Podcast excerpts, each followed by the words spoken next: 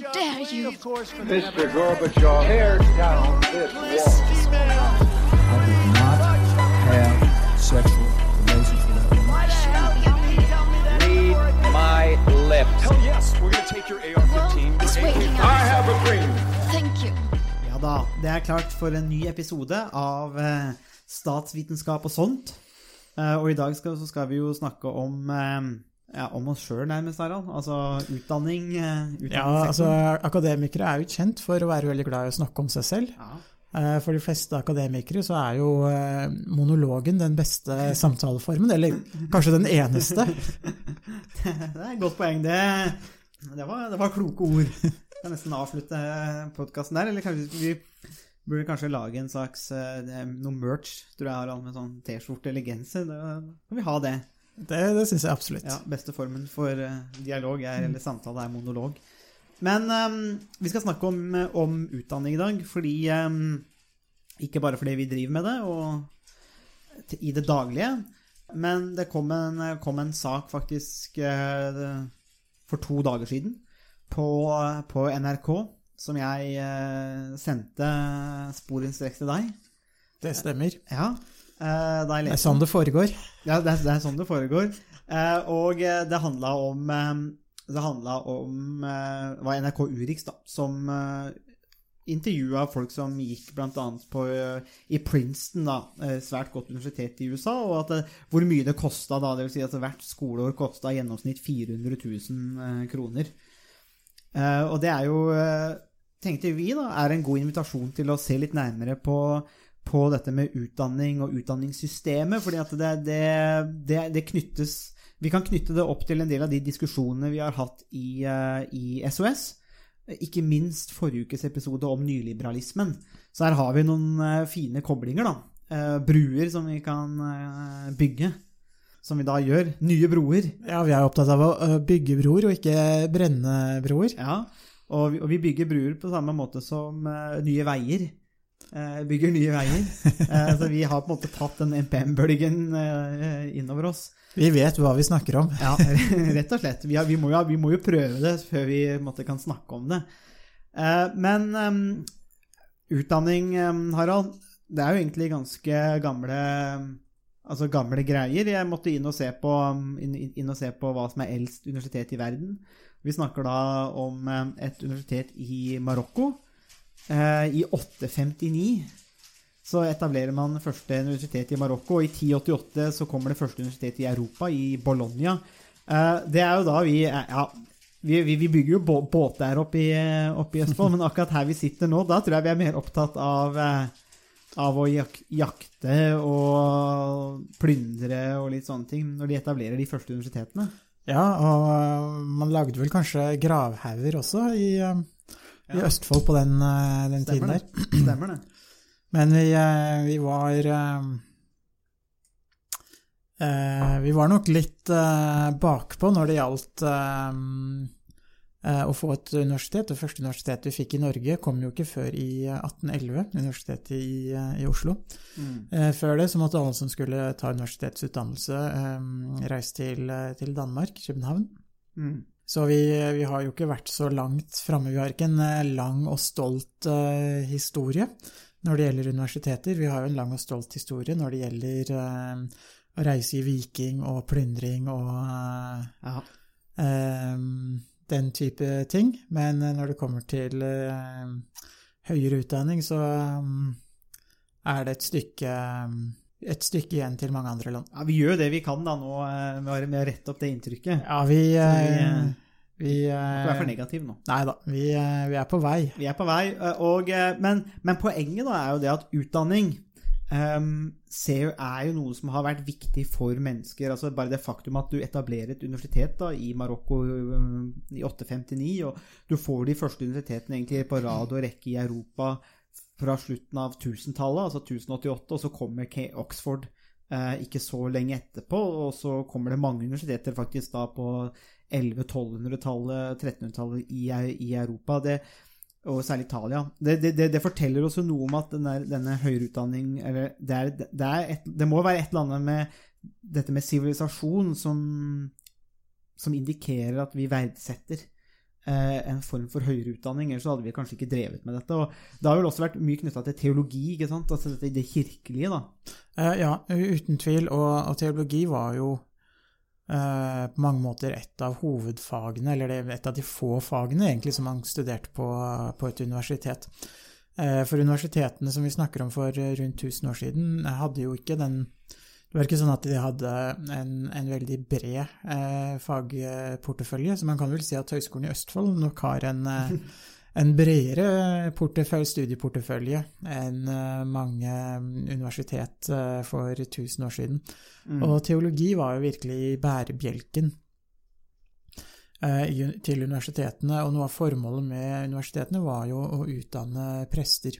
Mm. Eh, som skulle, mm, skulle, bli ordinert som, eh, som, prester. Og eh, sånn sett så spilte universitetet en viktig samfunnsmessig rolle, også en politisk rolle, ved at de i tillegg til å ha en, en utdannelsesfunksjon, så var de også med på å, å bygge samfunnsinstitusjoner gjennom, gjennom kirken.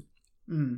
Og det er jo Og det, det forteller også noe om eh, et element som og for så vidt henger med i dag, men som nok har blitt mye mer utvanna òg i, i, dagens system, og det er jo det at den klassiske utdanningen nå hang jo sammen med elitisme. Um, som du sier, mange av de som ble skulle bli prester, var jo ofte yngre søsken i adelsslekter som ikke skulle arve noe, f.eks. i England, uh, som da ble sendt enten i militæret eller som offiserer eller som prester. da. Eh, og, og, der, og, der, har man jo også de klassiske utdanningene, f.eks. med Harrow og Eton, for eksempel, i, som er drevet på i 450 år eller noe sånt nå. Eh, I hvert fall Harrow eh, i England. Um, så der, der, der, hadde man jo Den der elitismen har jo på en måte var jo til stede da. Det var jo ikke sånn at bønder og, og skogbrukere fra Østfold hadde tilgang til ja, eh, kanskje, kanskje, Jeg tror det var noen fra Østfold. Tror, Nei, det, det var, jeg tror det var noen som het Borgerbund, som uh... Ja, det, det var den, de var tidlig ute uh, med, å, med, å, utdanne seg. Så ser vi åssen det har gått. Men Men hva, hva, mente du nå? Men Tror jeg vi må ta en pause her. ja, jeg får, jeg får, stygge blikk over her nå. Der jeg har utfordra skjebnen.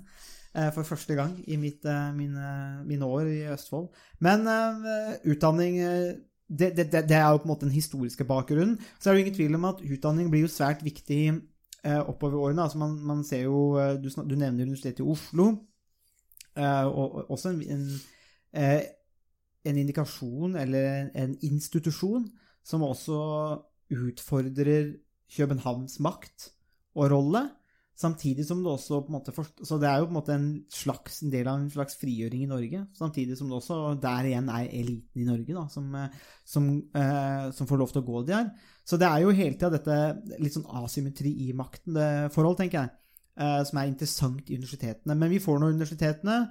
Eh, og for å gjøre en litt sånn lengre utdanningshistorie kort, det er ikke historien som er vårt anliggende, men jeg tror jeg kommer til å bare konkludere med at utdanningsinstitusjoner er fryktelig viktig, eller har vært for menneskelige sivilisasjoner en god stund. Men i dag så er det nok enda viktigere, tror du ikke det, Harald? Altså med dagens arbeidsmarked og krav til spesialisering, så har vi jo sett at utdanning og høyere utdanning blir enda viktigere. Du må jo snart ha en bachelor for å operere eller drive med hva som helst. Ja, formelle krav eh, har blitt viktigere i vårt, uh, vårt samfunn. Eh, samtidig så har man eh, etter den industrielle revolusjonen og opplysningstiden på 1700-1800-tallet eh, også sett på verdien av kunnskap på en helt annen måte enn eh, tidligere tider. Det man så i opplysningsperioden og gjennom den industrielle revolusjonen, var jo også hvordan man rett og slett kunne utnytte kunnskap til å enten skape det man tenkte var et bedre samfunn, eller å rett og slett tjene penger. Mm. gjennom bruk av teknologi eh, og vitenskapelige mm, oppdagelser, så kunne man, eh, man, rett og slett skape et bedre samfunn og rikere samfunn. Og det, det utdanningssamfunnet som vi er en del av i dag, er jo er jo eh, det siste eh, steget i, i den eh, utviklingen, hvor i dag så, eh, i mange vestlige land, så er det jo eh, godt over 30, men kanskje mellom 30 og 50 prosent av um, ungdommer eller årskullene som går videre i, i høyere utdanning. Mm. Så det har vært en utdanningseksplosjon som Hvis man går tilbake til eh, 60-tallet, så var det bare noen få prosent som studerte ved universitet og, og høyskoler. Og i dag er, det jo, er jo den prosentandelen de som eh, kanskje har eh, master- og doktorgrad. Så, eh, så der har det vært en, en veldig en veldig stor utvikling. Mm. Så høyere utdannelse har blitt viktigere for å få en, en trygg og god karriere eh, på den ene siden, eh, og kravene til formell utdannelse har også blitt større fra både arbeidsgivere, eller fra arbeidsgiveres side. Mm. Jeg tenker det er, det er veldig, veldig fin oppsummering, nettopp dette med fra opplysningstiden nå, at vi øh, kanskje er i, en måte, et sånt siste steg, eller det er det seneste steget i hvert fall, i den eh, utviklingen da, som vi har sett der, og nettopp, og nettopp den opplysningstidens eh, jakt etter sannhet, men også kunnskap, og eh, Francis Bacon som ofte blir kreditert med at kunnskap er makt, men eh, det er jo uklart om han akkurat sa det sånn, men det er jo uansett men en indikasjon som vi eh, måtte er enige om, at og kunnskap er jo eksplosivt. Um, eh, og, og på mange måter skummelt, og, derfor, og det, er jo, det, er, det er jo den konteksten man må forstå f.eks. For Gutenberg-bibelen nå, eller og Gutenbergs teknikk for trykking. da, Hvordan det, hvordan det bare dro ut eh, makt og monopol over eh, skriving og trykking, og, og kunne på en måte masseprodusere det eh, på en måte som ikke har blitt utfordra før internett. Eh, som også har utløst en slags revolusjon der. Men når vi tenker det på litt mer sånn statsvitenskapelig, eh, Harald, så er det jo mye ting vi kan ta tak i der. Eh, og det første er vel kanskje er utdanning Skal vi starte med et spørsmål om utdanning er en rettighet? Ja, så rent, rent juridisk så er det på mange måter en, en rettighet eh, som, eh, som man har i mange land. Eh, så man kan jo også se på det, altså hvilken verdi har utdanning? Altså hvorfor er det man ser på det som en verdifull eh, rettighet? Eh, og eh, det, som er, det som er litt interessant, er jo også at vi lever i et samfunn som verdsetter utdanning. Og har man da en rett eller en plikt til å ta utdanning? Er det, tar man utdanning for seg selv, for sin egen del, fordi man har glede av å, sånn som vi gjør, da, og Mm. eh, surre rundt i uh, vår egen lille verden og lese Hayek, uh, så Nozick og um, den type litteratur som vi diskuterte i forrige uke? Mm. Eh, Eller er utdanning noe mer instrumentelt, altså noe som skal være nyttig for samfunnet? Mm. Og at vi har en plikt til å ta den utdannelsen som passer våre evner best.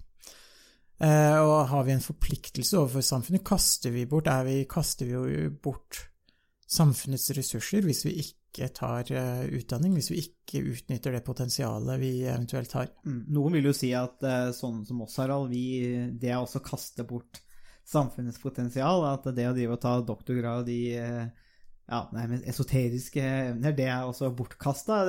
Jeg vet ikke om det overrasker deg. Jeg har blitt møtt med den, de anklagene Ja, altså jeg, jeg, jeg har også blitt møtt med det. Jeg har også blitt møtt med den innvendingen at jeg som eh, holder på med doktorgrad eh, Hva er liksom vitsen med det å holde på med politikk når jeg skal bli doktor, uansett? At man liksom De tror at jeg skal bli lege, men det mm, Ikke ordentlig doktor, altså. Nei, det er tull, tulledoktor. Ja, så det er, men, men, men så jeg tenker at det der, akkurat det spørsmålet om hva som er nyttig, er jo, på en måte, er jo en interessant sak her. fordi det, det er jo helt klart at det, er jo en del ting vi i samfunnet Det kan være, kanskje være vanskelig å se hva som er nyttig og ikke. Det tenker jeg er litt sånn Litt sånn postmodernistisk, så må vi jo bare kunne si at det avhenger litt av hvilket ståsted du har. Men, men det at det er nyttig, tenker jeg er kan jo defineres ganske bredt. og vil, Der vil jeg også tenke at bare det faktum at vi har, har hatt høyere utdanningsinstitusjoner eller universiteter i over 1000 år, sier at det, er ok, det er noe som går litt utover det rent instrumentelle. altså Det er en viktig del av det, men for men vi hadde ikke hatt alle disse ulike fagene i universitetene hvis ikke det var noe som vi som sivilisasjon tenkte ok, det her er det noe nyttig i. da. Absolutt. Og det, det Jeg eh, begynte å, riste og skjelve litt da du sa postmodernisme. Ja. Eh, og jeg, jeg tenker noe av det som du har vært inne på nå, med at uh, de eldste universitetene har en historie som går, til, går over 1000 år tilbake, så, så sier det kanskje noe om at det er noe, ikke nødvendigvis sånn universelt i en veldig um, vid forstand, men uh, det er i hvert fall Det antyder noe om at universitetenes verdi har holdt seg ganske godt i, i over 1000 år, eh, og at samfunnet i større grad eh, verdsetter eh, høyere utdanning. Og det stiller jo også spørsmål til altså hvilken Siden vi verdsetter høyere utdanning, og det er en eh, høyere utdanning er en forutsetning for mange godt betalte jobber, eh, medisin, økonomi, ingeniør eh, og mange andre mm, profesjoner, så er det også spørsmål hvilke rettigheter er det man har som individ til å ta høyere utdanning. Mm. Eh, hvilke krav skal man stille til de som tar høyere ut, utdanning? Eh, og eh, skal man Hvordan er det man eh, Hvordan er det man skal fordele den type goder? Det også, kan også være et spørsmål om hva som er rettferdig. Altså, Mm. eh, høyere utdanning er jo også en knapphetsgode. Eh, det er ikke uendelig antall eh, studieplasser, selv ikke ved Høgskolen i Østfold. Eh, selv om eh, vi skulle ønske det, selvfølgelig. Mm. Eh, så er det begrensninger, og studieplasser eh, og ressursene må, må fordeles. Mm. Så er jo spørsmålet hvordan er det man fordeler den type goder. Ja. ja, for der er vi jo eh, Og der er vi jo kanskje Vi begynner å nærme oss eh, noe av det som i hvert fall blir diskutert i dag, svært ofte i politiske sammenhenger. Eh, og det er jo også hvordan disse universitetene, tenker jeg, også er strukturert. Fordi at eh, tradisjonelt så er det jo, var det jo mye av det var jo knytta til eh, måte det kirkelige stabilisementet, men også eh, sånn som i Oxford og Cambridge også, så er det jo diverse colleges som er etablert med penger, altså gitt i gaver, da. De har endowments uh, og penger som måtte, driver de, eller som de har som base, da. Um, slik at det har måte alltid vært en sånn privat uh, Eller altså i den private sfæren, eller altså pri privatpersoner, da. Uh, og så har vi jo da i Og sånn har det jo på en måte vært i Norge òg, men så har vi jo fått et offentlig utdanningssystem i Norge hvor, hvor man vel forsøker å fordele den goden over så mange som mulig, da, egentlig. Det er det at alle kan egentlig søke støtte fra Lånekassa. eh, og kan Altså, du blir jo tatt opp på bakgrunn av karakter, men du har i hvert fall mulighet til å bli tatt opp, da. eh, når det kommer til disse tingene. Um, og det er jo litt der den eh, artikkelen fra NRK kommer inn, når de, begynner, når de reiser til Princeton, da. Og ser litt på hvor mye er det et studieår egentlig koster der. Eh, og det er jo der den da ligger på eh, Altså bare studieplassen ligger på et sted mellom fire, altså på 400 000. I det du har kost og losji, eller det å leve, da, så ligger du på et sted mellom 600 og 700 000 eh, i året. Når, du, når du hører sånne type tall, Harald, er, det, er utdanning da en ubestridt gode? Eh, når det koster så mye å gå på et universitet? Ja. Ja. Nei, altså um, Da gjør vi noe feil ved HiØ. Vi vi er nødt til å Ja. øke Øke studieavgiften. ja, Vi er jo kjent som Østfolds Princeton. ja. Nei, altså det, det som jeg syns er litt vanskelig med det, er jo litt at altså, Princeton eh, er jo, i hvert fall så vidt jeg vet, en privat eh, utdanningsinstitusjon. Eh, så i prinsippet så kan du jo, eh, så lenge de tilbyr altså faglig godkjente kurs, så kan de eh, på en måte kreve det de, det markedet er villig til å betale, betale for en utdannelse ved, ved Princeton. Og det som har vært en, um, en trend i høyere utdanning internasjonalt eh, de seneste årene, har jo vært at det har vært mange internasjonale studenter, spesielt eh, kinesiske studenter, som har reist utenlands for å studere. Eh, og betalingsvilligheten til mange kinesiske studenter har vært veldig høy, noe som har eh, resultert i at mange engelskspråklige universitet, eller universitet i den engelskspråklige verden, eh, Australia, New Zealand, eh, England, USA, Canada, eh, Irland også, i og for seg, eh, har tatt opp, eh, forsøkt å tiltrekke seg så mange utenlandske studenter som mulig, fordi det ville gi eh, gode inntekter til universitetet. Eh, og det har på en måte vært greit. Mange universiteter, mange land har jo også hatt ulike eh, skolepengesystem hvor utenlandsstudenter betalte mer enn eh, innenlandsstudenter. Eh, Og den utviklingen har jo eh, ført til en konkurranse mellom ulike universiteter også, eh, om å tilby de beste fasilitetene, eh, de største og beste svømmebassengene og beste idrettstilbudet og bibliotekene osv. Så det har ført til en enorm kostnadsøkning eh, hos universitetene, eh, både når det gjelder fasiliteter, men også når det gjelder eh, byråkrati eh, og eh, administrasjon. Eh, markedsføring har tatt større spill, begynt å spille en større rolle. Mm. det å eh, administrere eh, studentene eh, har eh, blitt eh, gitt eh, større ressurser, så konsekvensen av det har vært økte kostnader som har bidratt til å eh, redusere tilgangen til høyere utdanning eh, for mange studenter. Mm. For det er jo litt eh, For vi er jo inne i en, en kjernen her, i all den tid det er snakk om private institusjoner som er satt opp. og det er jo ikke noe krav om at du må gå dit. Du blir jo ikke pressa. Det er ingen som presser noen til å gå dit.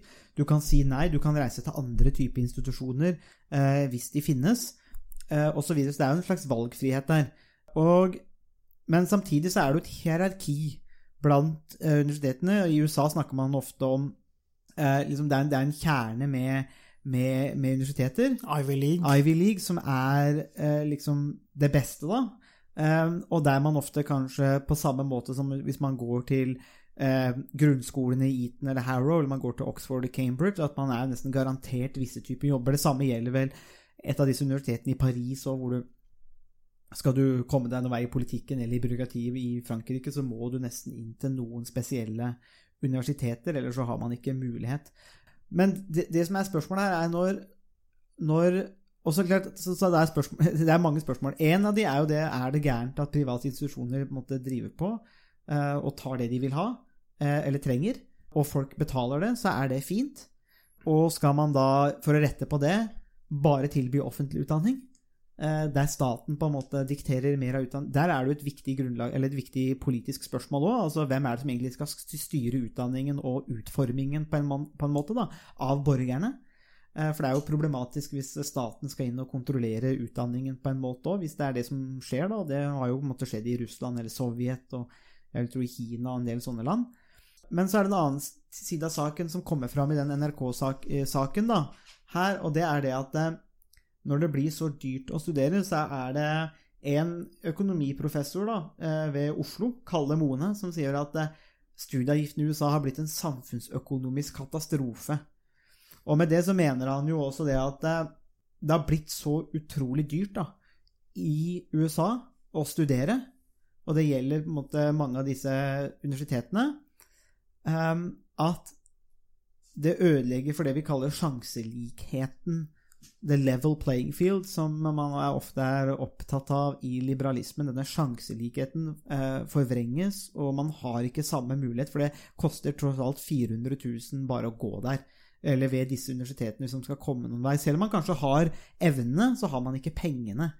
Er du enig i den? altså, den jeg, jeg, tenker det er en ganske interessant konklusjon å si at det er en samfunnsøkonomisk katastrofe. Uh, og jeg tenker jo kanskje at han har rett, da. Men, uh, og det kan vi diskutere, men jeg tror kanskje Kalle er inne, inne på noe, da. Ja, det virker som du kjenner Kalle Mone veldig godt. Nå er dere på fornavn. dere har blitt dus. ja, vi har blitt dus. som det het før i tida. Ja. Nei, ja øh, jeg, får, jeg, får, jo med en gang lyst til å innta det motsatte standpunktet av deg. ja, naturligvis. Så hvis jeg skal forsøke, da, eh, å argumentere eh, mot både deg og Kalle Moene. Eh, Det kan hende at det er en litt uoverkommelig oppgave, men eh, Antageligvis, men du skal få lov til å prøve. Jeg er jo ikke redd for en utfordring. Nei. Så eh, i et åpent og fritt samfunn så bør det jo være eh, mulighet eh, for et privat eh, universitet å etablere seg. Og det bør også være eh, valgmuligheter for eh, potensielle studenter til å studere der de, der de ønsker. Og det er en grunnleggende rettighet i et åpent og, og fritt samfunn. Så prinsipielt så kan man jo argumentere for at det, ja, det bør være eh, mm, private universiteter og et slags det man kan kalle et marked, eller et, et i hvert fall et eh, Man bør ha valgmuligheter mellom ulike universiteter. Eh, og man kan jo, så Argumentet til Kalle Mona er jo at det er samfunnsøkonomisk eh, katastrofe. Eh, fordi, og Det kan man jo argumentere for på flere måter. Det kan være at man eh, allokerer for mye ressurser til høyere utdanning. At man ikke får en på en måte eh, god utnyttelse av de, eh, av de ressursene. Man utdanner for få mennesker til, eh, til den prisen det har da per student. Så når det koster da eh, 1,6 millioner ca. å utdanne en eh, student ved Princeton, bare skolepenger, så man kan anta at levekostnadene eller bokostnadene er omtrent de samme, uavhengig om det er et privat eller offentlig universitet, så hvis vi bare har, tar det til siden, så, så koster det da 1,6 eh, millioner å utdanne en, eh, en student. Eh, og det kan vi antagelig utdanne jeg vet ikke, eh, ganske mange studenter for i, eh, ved Høgskolen i Østfold. Mm. Og så er jo spørsmålet da om kvaliteten på utdanningen ved Høgskolen i Østfold på en måte er tilsvarende eller sammenlignbar med, med, med Princeton. Nei, I Eh, statsvitenskap er det jo utvilsomt det. der, der, er jo, der, der er det ikke tvil. Nei. Men ehm, så spørsmålet er jo, så På den siden så kan man, kan man jo diskutere om det er en samfunnsøkonomisk katastrofe. Men hvis man skal gå tilbake til det, det perspektivet, eller den som jeg skal forsvare nå, da, eh, hvor jeg egentlig argumenterer mot eh, deg å Kalle Mone, så kan man jo si at eh, det er en samfunnsøkonomisk katastrofe å ikke ha muligheten eh, for eh, valgmuligheter, fordi det vil kunne føre til en, eh, en reduksjon i kvaliteten eh, på utdanningen, hvor man ikke har valgmuligheter til å, Mm. til å sammenligne ulike utdannelser, eh, ulike perspektiv eh, på utdanning, og det kan eh, på sikt også føre til at kvaliteten på utdanningen blir mindre, eller dårligere, Mm. eh, som kan være med på å, eh, å undergrave den samfunnsøkonomiske gevinsten ved, ved høyere utdanning på, på lengre sikt. Jeg tenker det er jo, det er, det er jo et interessant og, og eh, eh, relevant perspektiv. Eh, det som jeg, og det er jo ikke noe Jeg tenker også det er litt sånn vanskelig å, å kanskje få noen sånn eh, klare svar på den, på den spørsmålsstillingen hva som egentlig er samfunnsøkonomisk katastrofe eller ikke. Men eh, det jeg tenker er, og det er jo mer, mer, kanskje mer, mer liksom åpent spørsmål tilbake, er om eh, om det hadde vært lettere å kjøpe det argumentet, eller den argumentasjonen som du fremlegger, da. Om det hadde vært lettere å kjøpe den hvis pengene gikk til akademisk, altså det vi kan kalle kjernevirksomhet. Men som du beskrev i stad, så går jo mye av pengene til bedre idrettsbaner, reklame og ikke minst administrasjon. eh, Eller byråkrati. Det er, jo, det er jo det som har spist opp det meste av kostnadsveksten ved amerikanske universiteter, er jo, er jo knytta til administrasjon. Um, og jeg har jo kollegaer som har un, un, un, undervist ved Georgetown, som også er der altså Obama ble utdanna. Et av de beste universitetene i USA, hvor, hvor de tjente mer som servitører enn de gjorde for å undervise i fag, fordi at eh, man blir ikke ansatt som Altså dette med tenure, da, det å måtte få en, en fast posisjon, det er så ufattelig vanskelig, særlig i USA, at eh, og så blir du lønna bare per fag og per student, og dermed så var eh, nettolønna lavere enn som servitør da i Washington DC. Eh, og da tenker jeg liksom Hadde pengene, pengene gått til kanskje fagansatte til forskning til kjerneaktiviteter, så jeg hadde, jeg kanskje, hadde det kanskje vært lettere å kjøpe den type argumentasjon, da. Ja, jeg, jeg syns det er et veldig godt, uh, godt poeng. Uh, men uh, motargumentet mitt er at den trenden med byråkratisering, administrasjon og økte kostnader ser man også ved offentlige universitet. Eh, så det er et mer strukturelt eh, trekk ved høyere utdanningssektoren, eh, både i Norge og globalt. Men kan man da si at ved den offentlige sektoren så har i det minste Når det ikke koster dyre dommer, det koster ikke 400 000 å studere ved HiØ, så har Så selv om det er en økende byråkratisering, så har alle lik mulighet til å komme inn, for det er basert på samme type karaktersystem. Det koster ikke penger, så vi ekskluderer ingen på bakgrunn av finanser. Så selv om vi har byråkratisering, så er sjanselikheten mer til stede i et offentlig system enn i et privat system. Er det mulig da å svare på den argumenten? Det er det jeg prøver å svare på den argumentasjonen, da. Um, ja, altså jeg tenker det med sjanselikhet er jo et uh, veldig viktig prinsipp uh, som blir um, vektlagt stor verdi i vårt, uh, vårt samfunn. Mm. Eh, Det man ser ved en del private universitet, eh, både i USA og Storbritannia, er at hvis man har en eh, utdannelse fra Oxford, Cambridge, Harvard, Yale, Stanford, en lang rekke andre universiteter, så er det en, et utgangspunkt som gjør at man lett vil få andre godt betalte jobber i senere i karrieren. Og det har vært gjort mange sammenligninger som viser at de som går ved Oxford, eh, vil i løpet av sin, eh, sitt livsløp eh, ha en veldig god avkastning eh, for sin utdannelse. Det samme gjelder mange andre mm, universiteter. Oxford var egentlig bare et tilfeldig Ja.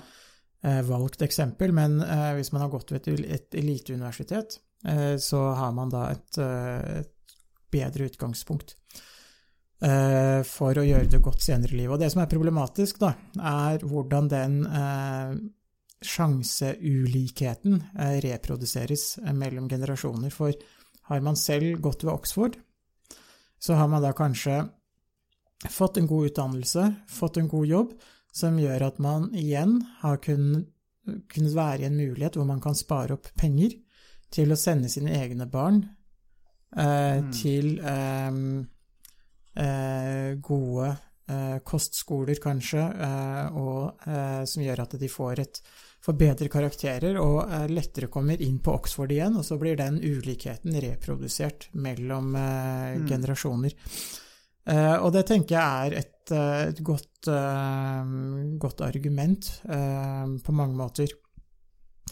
Eh, og eh, hvis jeg skal argumentere mot eh, ideen om, eh, om sjanselikhet, eh, så vil jeg jo kanskje si at den forestillingen vi har om, eh, om sjanselikhet, det er kanskje mer en illusjon uansett. Eh, fordi mange av de ulikhetene vi har i samfunnet, de, de reproduseres uansett. Eh, og hvis vi går til, til Norge, som blir sett på som et veldig egalitært samfunn, eh, så er det jo sånn at det er en veldig stor andel av eh, studentene, både ved Høgskolen i Østfold, men også eh, alle andre høyere utdanningsinstitusjoner i Norge, som kommer fra hjem hvor foreldrene også har høyere utdannelse.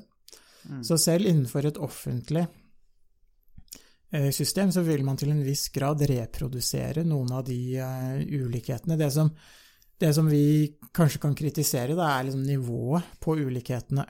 Eh, det kan kanskje virke himmelropende urettferdig eh, når man snakker om eh, Oxford, Princeton og mange andre universiteter. Fordi kostnadene med å studere der er så høye, mens kostnadene assosiert med å studere ved Høgskolen i Østfold er mye lavere. Men det som samtidig er interessant, er jo liksom hvordan det å komme fra et hjem hvor begge foreldrene har høyere utdanning, f.eks., er med på å overføre en kultur eh, og en forståelse av akademisk betydningen av akademisk kunnskap, Mm. som gjør at de som kommer fra hjem med høyere, hvor foreldrene har høyere utdannelse, de er bedre forberedt eh, på å studere, og dermed er i bedre stand til å gjennomføre og fullføre utdanningsløpet, og på den måten er i en bedre posisjon til nettopp å skaffe seg eh, godt betalte jobber, delvis fordi at de kanskje får en eh, tidligere start på karrieren ved at de fullfører på normert tid, som gjør at de får flere år med arbeidserfaring. Så de får en, en, en, rask start på arbeidslivet, og at de i tillegg kanskje har både gode karakterer Eh, og eh, klarer å omsette den akademiske kunnskapen og verdien av den akademiske kunnskapen i eh, arbeidsmarkedet. Så, så, mitt argument mot deg og vår venn Kalle vil jo være at ja, man får ulikhet, men det får man også i det systemet som er alternativet. Altså man kan tenke seg et, et tredje alternativ, da hvor man har en mye mer ideell eh, sjanselikhet basert på um, akademisk eh, Eller evner, da, eller mm. akademisk uh, potensiale. Så eh, Men da må man også se for seg at man gjør store endringer i hvordan man oppdrar barn. og da vil jo familien være en hindring for å skape sjanselikhet, og det er spørsmålet hvordan er det man kan mm Eh, intervenere i familier hvor foreldrene ikke har høyere utdannelse, for å bringe de ja. barna opp på samme nivå? Eller skal man da bringe barna som kommer fra hjem hvor foreldrene har høyere utdannelse, ned på det samme nivået som, eh, som de som ikke har høyere utdannelse? Ja, jeg, ja, jeg, tenker, jeg, tenker, bare at det du sier, da, illustrerer jo også på, på mange måter kanskje at eh, svaret her ligger jo ikke enten i alt er privat eller alt er offentlig, for det er mye mer sammensatt enn som så. Du, det, du løser ikke alt med, et, med, med, å bare si nå har vi offentlig utdanningssystem, nå er alt i orden. Eh, eller at eh, la markedet styre, eller la de private initiativene styre, så er alt, er alt i orden. Eh, svaret jo må jo ligge et sted imellom, som du sier. For én ting er jo institusjoner, men så har du familier og sånne ting, og miljø, og det er, det er mye som spiller inn her, og også litt genetikk, vil jeg tro. Um, men, men, det jeg tenker, da, tilbake til dette litt med den der liberalismen og også kanskje nyliberalismen òg, er jo det at det, det, som jeg tenker, i hvert fall da, når jeg leser den saken fra, fra Princeton og, og, NRK, og du ser litt hvordan ting foregår i, i, USA, men også i Storbritannia, så tenker jeg at Og, og, og jeg er jo liksom da kanskje det man kan kalle en halvveis naiv liberaler, i den forstand at jeg har jo veldig tro på dette med sjanselikhet. Eh, og det å fullføre eller utnytte menneskelig potensial, da. Eh, men jeg føler at, det, at noe av det systemet sånn som man har i England, da, også da står i veien for det. Og det står i veien for det med vilje. Eh, fordi at Og da vil jeg, vil jeg, på en måte trekke igjen, og du hører det, det her må du høre fra meg stadig vekk, Harald, men jeg elsker jo å snakke om Adam Smith. og ikke minst hans Vile Maxime. Eh, men jeg mener likevel at det er en, en så ufattelig viktig innsikt fra en liberaler og det som kalles for kapitalismens eh, måte, far. da.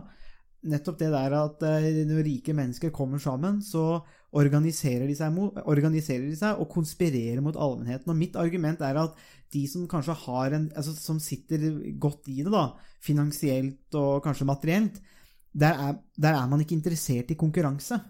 Uh, slik at Det er veldig fint å ha dette systemet som etableres til dels med Harrow og Eton og Oxford og Cambridge, fordi at man kan på en måte beskytte sine egne, og man, blir, man, man, man slipper at det kommer nei, storbønder fra rådet uh, som tar utdanning, og man slipper at det kommer noen fra noen grisgrendte fjellbygder i, i Hallingdal, og med, med, med kanskje større akademisk potensial, utfordrer og kanskje vinner fram basert på evner og resultater. Og min, min antakelse er at mange av de som sitter materielt godt i det og finansielt, og det er mulig det er en litt sånn kontroversiell påstand, men jeg blir mer og mer hellig overbevist om det, på samme måte som store selskaper ikke vil ha konkurranse, så er konkurranse også det verste som fins for folk som eh, sitter finansielt og materielt godt i det. Da.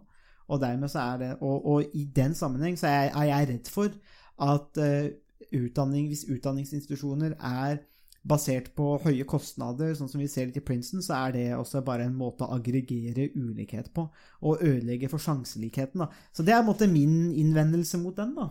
Ja, jeg, jeg syns det er et godt, uh, godt poeng. Jeg syns du klarer deg fint, jeg, Sondre. Nå, nå puster jeg letta ut. uh, ja, altså Det jeg tenker er problemet med sånn som situasjonen er nå, er at man har to systemer. Du har de som eh, du var inne på, som eh, lever etter eh, the wild maxim, Mm. som er, egentlig er en slags Altså, de, de, de er opptatt av å beskytte sine goder, og de er opptatt av å overføre godene til sine, sine barn. Mm. eh, og så har du da en situasjon hvor det kanskje er mange talentfulle mennesker. Eh, fra f.eks. Råde og Ja. Nesbyen. Mm. Eksempelvis. Til- Tilfeldig valgte eksempler. Tilfeldig valgt. Som, eh, som, eh, som ønsker å eh, utnytte de evnene, de, de fattige evnene de har fått på småskolen. Ja, fra småskolen, ja. Og som da kanskje ikke når til, til Princeton, for vi ville jo antagelig ikke ha mm, mulighet til å studere ved, ved Princeton. Eh, man kunne selvfølgelig kanskje få et stipend, men eh, sannsynligheten for å få et sånt stipend ville vært ganske liten, og spesielt hvis man kommer fra det som, som er et eh, ganske rikt land allerede, da, som, Ja. som Norge. Men det som jeg syns er interessant, eh, det er at sånn som systemet er nå, eh, så er det veldig Så manifesterer man, eller man eh, opprettholder den urettferdigheten i, som ligger i det at det er en elite som kanskje da kan i større grad kan opprettholde sine goder gjennom eh, det Smith kalte for eh, the wild maxim. Mm. Og så har man et offentlig system hvor vi andre kan slippe til.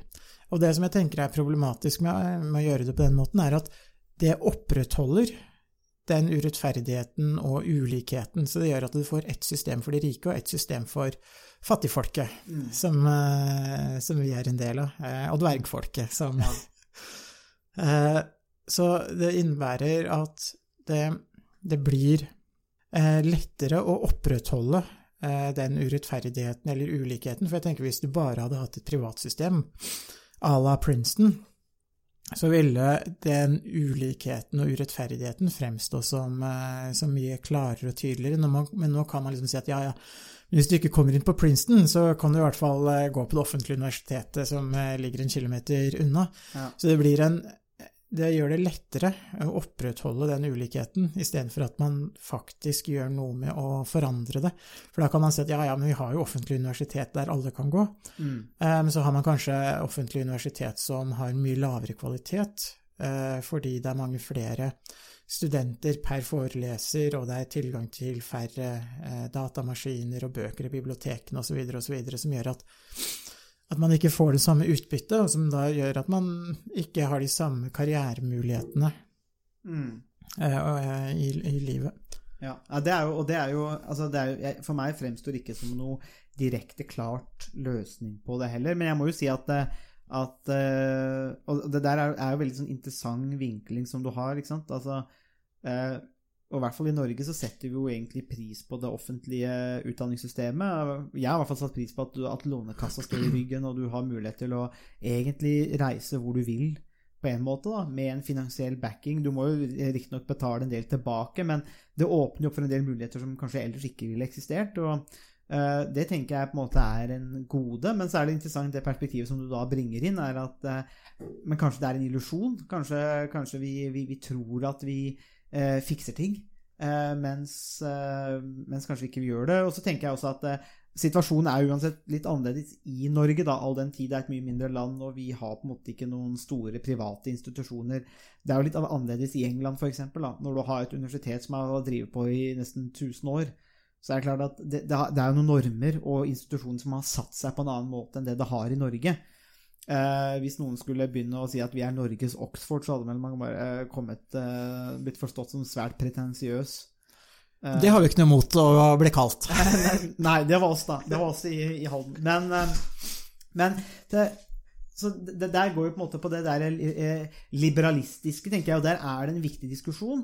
Eh, fordi at går man etter liberale, liberale idealer eller ideer og prinsipper, så, så, så må man prøve å balansere dette med sjanselikhet. Eh, men, men, og hvordan gjør man det? Og bør staten legge til rette Er det statens jobb å legge til rette for sjanselikhet, eller er det noe som skal ordnes på andre måter? Og det, det er ikke noe opplagt svar, eh, kanskje, eller sånn, sånn Sånn skal det være, liksom. Uh, nei, det, det, er, det er nettopp det.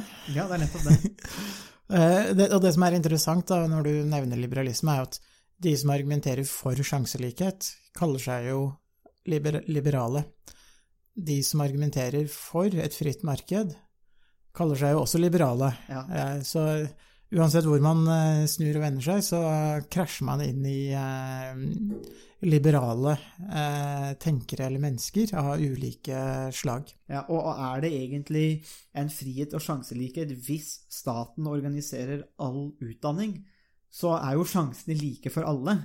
Men hvis det La oss tenke oss et sovjetisk system hvor alle blir forma inn i, eh, i ei støpeskje fra den sovjetiske staten. Så ja, alle har jo en, har like sjanser til å nå langt, men det er å nå langt innafor et autoritært system eller innafor et system som staten har satt rammene for. Og er, og er det den type frihet vi ønsker oss, eller den type sjanselighet vi, vi ønsker oss? Det er jo ikke opplagt. Nei, og, da, og det der er jo et viktig poeng, fordi da får man liksom sjanselikhet til, å, til et like dårlig eh, tilbud. Eh, og det som er interessant, er jo at man kan ikke bare snakke om eh, sjanselikhet og måte, tilgangen til høyere utdanning, man må jo også snakke om hva innholdet i utdannelsen skal, skal være. Kanskje er det sånn at eh, vi i dag med masse universiteter og tusenvis eh, av studenter Kanskje, eh, kanskje vi i dag eh, bruker ressursene feil. Kanskje vi burde hatt færre studenter, eh, bruke mer tid per student. Eh, mange jobber, eh, mange som studerer, ender jo opp i jobber hvor man strengt tatt ikke trenger høyere utdanning. Så det som jeg tenker, tenker er jo at man kan ikke bare fokusere på at alle skal eh, ha en eh, at, at man løser problemet ved, å, ved at det er en slags formell sjanselikhet eller. Nei. Eh, og i tillegg så er det det eh, som du eh, var inne på med et mer sånn altså hvor staten kan kontrollere utdanning i større grad. Så, så er jo akademisk frihet også et viktig prinsipp som ligger til grunn eh, for eh, hvordan høyere utdanningsinstitusjoner over hele verden egentlig er, eh, er bygd opp og organisert. Eh, Så her er det, liksom, her er det mange, eh, mange sider som, eh, som er viktige utover det med, med sjanselikhet, for det er ikke sånn at sjanselikhet det er det eneste problemet eller eneste Nei. spørsmålet som, eh, som er viktig i høyere utdanning. For man kan jo si at kanskje alle universitetene skulle koste 400 000 per plass, eh, ved at man rett og slett eh, øker kvaliteten på, mm, på utdannelsen. Eh, og at det vil være mer samfunnsøkonomisk lønnsomt. Og så kan man ha andre utdanningsmuligheter for andre typer Mm. jobber, yrker, profesjoner eh, og så videre. Så, Mm. så her er det Jeg tenker at det, det som er eh, Nå vet vi jo ikke helt hvordan Kalle Mone har blitt intervjua til den saken her, da, hva han Nei, eh, altså hva slags eh, hva slags spørsmål han har tatt stilling til. Ja. Eh, for jeg tenker at sånn, sånn som det står i artikkelen, så kan det være lett å øh, altså å argumentere mot eh, Kalle sin, eh, sin konklusjon. Ja. Eh, For man, vi vet jo ikke hva premissene nødvendigvis eh, er, og vi vet ikke hva, hva slags premisser han har tatt utgangspunkt i for sin egen analyse. eh, Vi tar jo forbehold om det. Så, vi, så der er det jo en del, eh, en del forbehold, men, eh, men så, så det, det gjør jo også at man kan eh, Det er ikke opplagt nødvendigvis hva som er samfunnsøkonomisk katastrofalt i, når det gjelder høyere utdanning. Nei, jeg tror, jeg tror nok at Og han, han påpeker jo altså, Han blir jo også spurt om noe dette med, med, med at ulikhetene mellom folk forsterkes. Eh, og, det, og, det, og så er spørsmålet skyldes det eh, på en måte et privatisert eller markedsstyrt utdanningssystem? Eh, eller skyldes det den hybridmodellen som du skisserte? Eh, da må jeg bare være så ærlig å si at jeg har ikke studert eh, utdanningssystemer, så jeg kan ikke konkludere om det er den ene eller andre veien. Det krever jo en del forskning. Jeg tenker at er, Der er det mye spennende å ta tak i. Eh, og så er det uansett den situasjonen at selv om vi har offentlige og private, så er vi alle måte, for så vidt ridd av den litt nyliberale, hvis vi kaller det, eller kvasiliberale maren, egentlig. Altså det at man, man ikke skaper så mye egentlige verdier, men man later som man skaper. Altså, og litt denne tilkaringsvirksomheten, eller rent-seeking, som det heter på engelsk, eh, tenker jeg også gjelder i begge sektorer. Eh, slik at, for, det, for, for, igjen, da, det er jo ikke sånn at de 400 000 går direkte til, eller uavkorta til å lønne fagansatte, forskninger, ph.d.-stipender. Det er jo ikke der pengene går, det er jo en, mer å drive som en business. Så kanskje det er som du sier, da, at eh, den situasjonen vi, opp i, vi ender opp i nå i mange land, blir en slags hybridmodell som ikke, ja, som, der vi bare, bare får alt av det vi ikke vil ha. da. Uh, kostnadene drives opp, og kvaliteten går ned, ulikhetene gjenskapes, og vi får ikke gjort noe med det. Ja, man kan jo si at det, resultatet er at vi får det, det det verste fra begge, begge verdener. Vi får uh, Vi klarer ikke å skape den uh, Kanskje ikke å skape det utdanningssystemet som samfunnet mm. uh, trenger. Ja. Det, det, vil jo i så fall være al alvorlig, uavhengig av om det er pga. det private eller pga. insentiver i offentlige, offentlige universiteter som, som, også kan være kostnadsdrivende. Mm, ja, så det er, det er, jo ingen tvil om at eh, utdanning er eh, Det er jo en diskusjon som vi er nødt til å ha, og som vi kommer til å ha eh, i årene som kommer. For det er ingen tvil om at uh, det, jeg, jeg, tror vi kan konkludere med det òg, at kunnskap er makt. Og, og, utdanning kan jo bidra til å utjevne, men også forsterke forskjeller. Men, men, det er generelle konklusjoner som vi kan trekke. Men hvordan man løser det, eller hvordan man operasjonaliserer, eller hvordan man institusjonaliserer dette, det er, er, jo tydelig et, helt klart et, et åpent spørsmål. Ja, og det, det som var for å uh, legge til noe uh, til akkurat det, så hvis man ser på den utdanningseksplosjonen som samfunnet gikk igjennom fra 60-tallet og, og, frem til i dag, så har jo det vært en enorm uh, likhetsskapende prosess hvor man har egentlig gjort sosial mobilitet og klassereisen mye mer tilgjengelig. Spørsmålet er om vi kan uh, få den samme effekten ved å fortsette med det systemet vi har. Vi har kanskje hatt et system som fungerte godt over en lang periode, og så må man kanskje vurdere om uh, systemet er modent for, for noen endringer og revisjoner. Mm, ja, vi, vi, trekker jo ikke noen konklusjoner, men, nei, det, men dette Det er jo ingen tvil om at og det er jo kanskje egentlig det, det, vi sitter igjen med på slutten av episoden nå, at det er en, måte, en invitasjon til å se nærmere Eh, på nettopp disse tingene. Og som i alle andre samfunn eh, er det kontinuerlig endring. Det er ingenting som er satt i stein, og utdanningssystemet er en av disse tingene. Det var det vi hadde å by på i denne ukas episode av Statsvitenskap og sånt. Musikken er komponert av Robin Horvath, og Thomas Focolato står for miksing og redigering. Du finner oss på Facebook, bare søk på statsvitenskap og sånt. Der kan dere komme i kontakt med oss hvis dere har spørsmål eller kommentarer. Der finner du også aktuelle artikler, videoer med mer.